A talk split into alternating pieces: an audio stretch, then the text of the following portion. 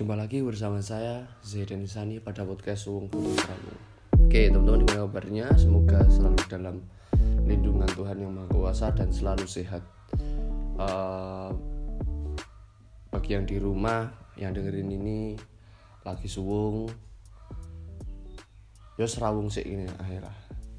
Tetap jaga kesehatan yang di rumah itu yang rumah zona merah tetap hati-hati kalau mau keluar. Kalau yang di luar lagi di luar ya pakai masker bawa apa hand sanitizer.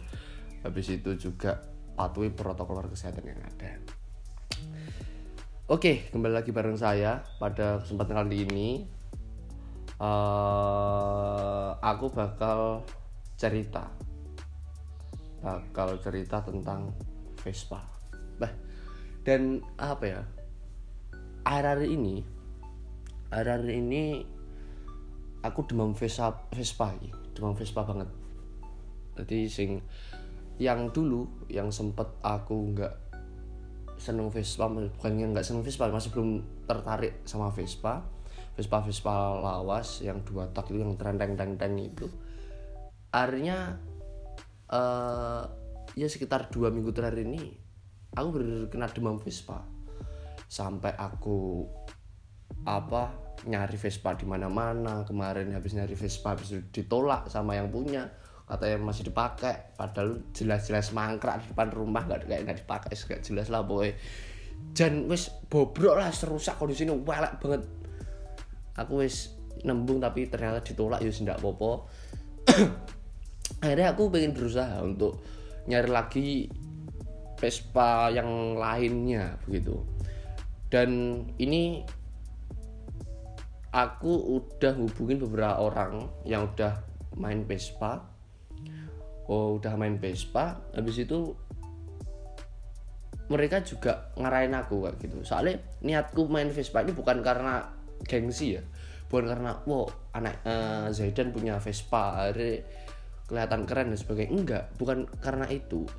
Aku main Vespa karena aku pengen belajar. Belajar dari sudut pandang klasik dari Vespa tersebut ya gitu. Soalnya kan kalau orang-orang umumnya pada ngeliat Vespa itu motornya ikonik kayak gitu. Nggak ada tuh ceritanya aku nemuin Vespa yang dipakai ngarit.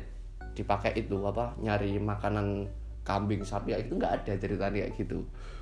Lah oleh karenanya aku tertarik tertarik banget gini untuk untuk beranjak ke sepeda motor yang namanya Vespa. Karena Vespa dari dulu terkenal sebagai skuter dan sampai hari ini pun Vespa masih masih uh, menjaga menjaga nama skuter tersebut. Dari dulu yang sebenarnya awal mulanya Vespa itu cuman dua tak, cc-nya kecil, perselongnya cuma tiga. Sekarang hari ini terkenal sama yang namanya Vespa Matic dan Vespa Matic ini pun juga nggak kalah di pasaran kayak gitu. Dia punya pasar sendiri untuk orang-orang yang mungkin aku nggak ngatain apa orang yang punya Vespa Matic itu gengsi karena gengsi akhirnya dia beli kayak gitu ya. Ya tapi kalau menurutku sendiri orang punya Vespa Matic itu jelas orang punya uang kayak gitu. Dan aku juga bingung kayak gitu. Cara mereka orang-orang seumuranku ya eh, orang-orang seumuranku yang masih 19-an 20-an kayak gitu. Cara mereka ya ini khususnya belum bisa cari uang sendiri. Khususnya mereka yang belum cari uang sendiri belum bisa cari uang sendiri cara mereka minta ke orang tuanya wih piye gitu.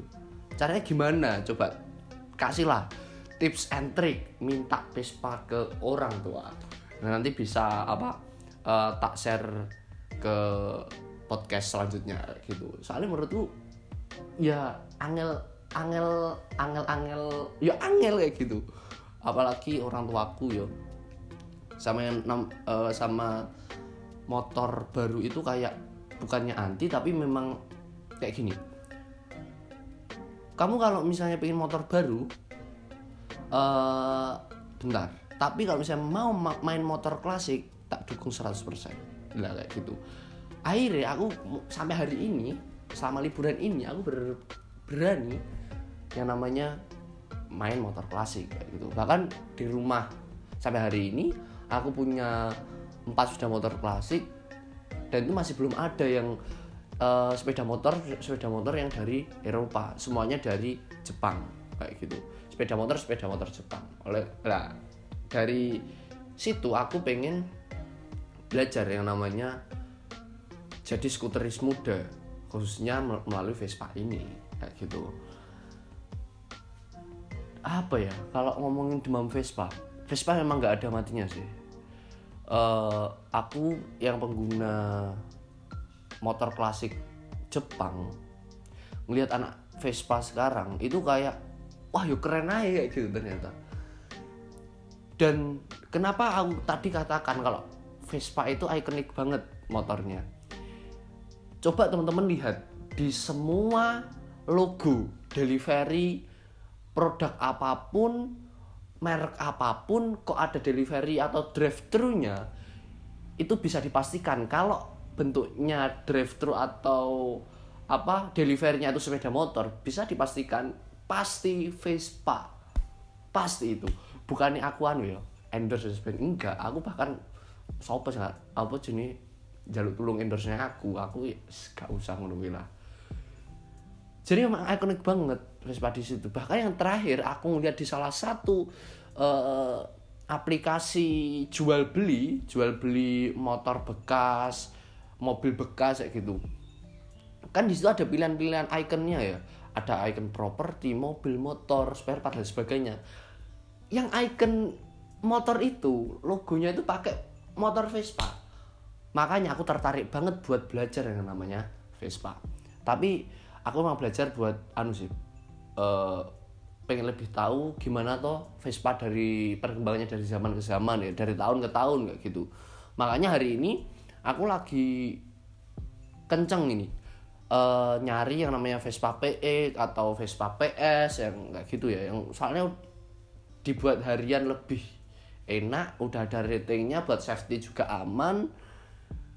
Habis itu juga ya cocok banget lah pokoknya buat anak muda gitu. Sebenarnya juga cocok sih kalau aku nyarinya Vespa super Vespa sprint kayak gitu. Tapi kalau untuk pemula apalagi pemula buat koyo aku ini ki aku ngerasa nggak cocok. Soalnya menurutku uh, untuk sekelas Vespa Super dan Sprint mereka udah uh, udah jadi pemain kayak gitu. Pemain-pemain lama di Vespa makanya buat belajar aku ngasih apa solusi buat belajar dari Vespa yang pemula dulu yaitu Vespa PS 150 atau PX 150 itu yang buat ngawali semuanya itu ya mungkin itu dulu ya uh, untuk ceritaku tentang Vespa kali ini. Di podcast selanjutnya coba teman-teman yang seumuranku habis itu punya Vespa Matic atau Vespa dua tak bisa cerita lah gimana pengamal apa pengalamanmu ketika udah punya Vespa. Uh, mungkin sekian ya dariku. Terima kasih udah jadi pendengar setiap podcast ini. Sampai jumpa.